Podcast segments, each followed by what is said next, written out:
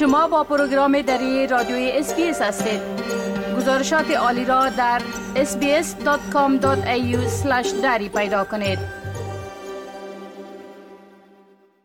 شنونده های عزیز حال با همکارم سام انوری درباره یکی از مهمترین رویدادها صحبت می‌کنیم. آقای انوری سلام عرض می کنم خب یکی از مسائل مهم یا رویدادهای مهم نشر گزارش است که در او پلیس ویکتوریا در جریان کووید 19 شیوع کووید 19 با تبعیض نژادی در وقت صدور جریمه ها متهم شده. بله؟ بله با سلام به شما و شنوندگان عزیز خب گزارش ها می که پلیس ویکتوریا در جریان قرنطینه های کووید 19 افراد افریقای تبار و افراد دارای ظاهر خاور میانه ای را چهار مرتبه بیشتر از تناسب جمعیتیشان جریمه کرد. شبکه سی به نقل از آمار داخلی پلیس ویکتوریا که تحت قانون آزادی اطلاعات به دست آمده گزارش داده که در جریان قرنطینه های کووید 19 بیش از 37400 جریمه نقدی توسط پلیس صادر شده. به گزارش شبکه افسران صادرکننده جریمه ها در سه چهارم موارد تبار شخص جریمه شده را ثبت کرده.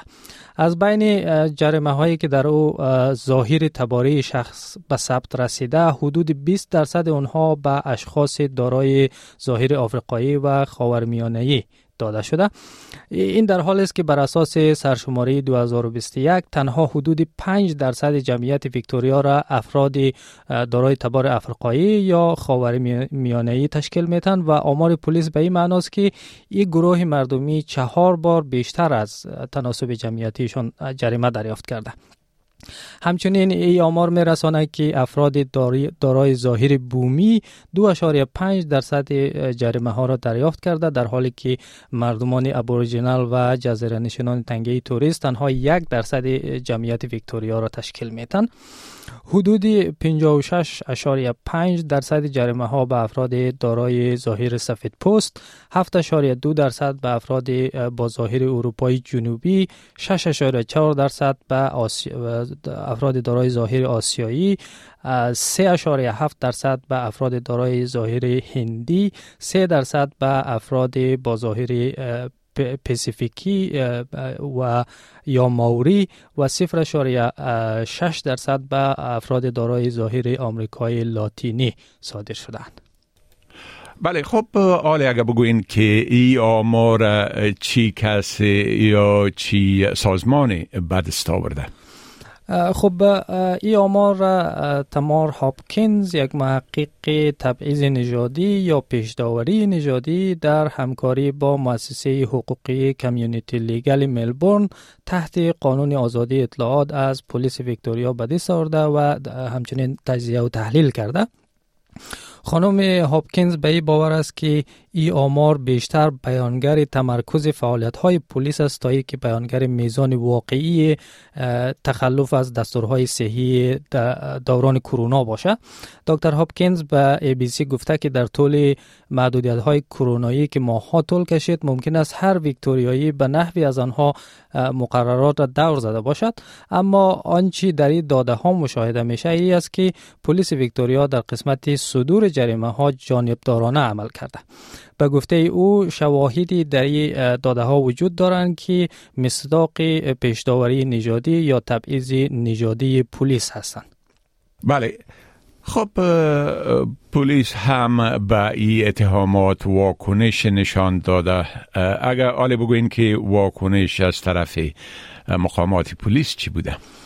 خب پلیس ویکتوریا البته هر گونه ادعا را مبنی بر این که افسرانش گروه های نژادی خاص را هدف قرار داده رد می‌کنه. به نقل از سی نیوز یک سخنگوی پلیس ویکتوریا در پاسخ به پرسش های شبکه گفته که افسران می‌تونن که صلاح, دید خود را اعمال کنند اما تمام جریمه ها به خاطر تخلفات عمدی آشکار و واضح صادر شدند سی به نقل از این سخنگو نوشته که ویکتوریا پلیس هر گونه ادعا مبنی بر این که افسرانش در تخلفات کووید 19 گروه های نژادی خاص را هدف قرار داده رد می کند این اصلا واقعیت ندارد. ویکتوریا تنها حوزه قضایی در کشور است که پلیس آن ظاهر نژادی افراد متخلف را ثبت می‌کنه همچنین ویکتوریا تنها حوزه قضایی در بین شش ایالت و دو قلمرو استرالیا است که صراحتا پیشداوری نژادی را در عملکرد پلیس ممنوع قرار داده. دکتر هاپکینز به این باور است که نابرابری در صدور جریمه ها ممکن است به دلیل ای باشه که پلیس ویکتوریا بیشتر در جوامع با جمعیت بالای مهاجر فعال بوده که خودش یک نوع تبعیض و پیشداوری نژادی است.